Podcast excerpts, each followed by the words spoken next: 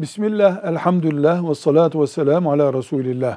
Deniyor ki düğünlerde Kur'an okuyarak düğüne başlamak ya da düğünün ortasında sonunda Kur'an okumak sakıncalı mıdır? Hayır. Kur'an müstehcen olmayan her yerde okunur. Ancak şu var. Düğünlerde umumiyetle Kur'an-ı Kerim okunurken dinlenemiyor. Düğün neşe ve eğlence yeri, çoluk çocuk var, duyulmuyor, dinlenemiyor. Okuyan açısından ve okutan açısından bir vebal olabilir bu. Ayrıca bir düğünün İslami düğün olması için de onun Kur'an'la başlaması gerekmez. Velhamdülillahi Rabbil Alemin.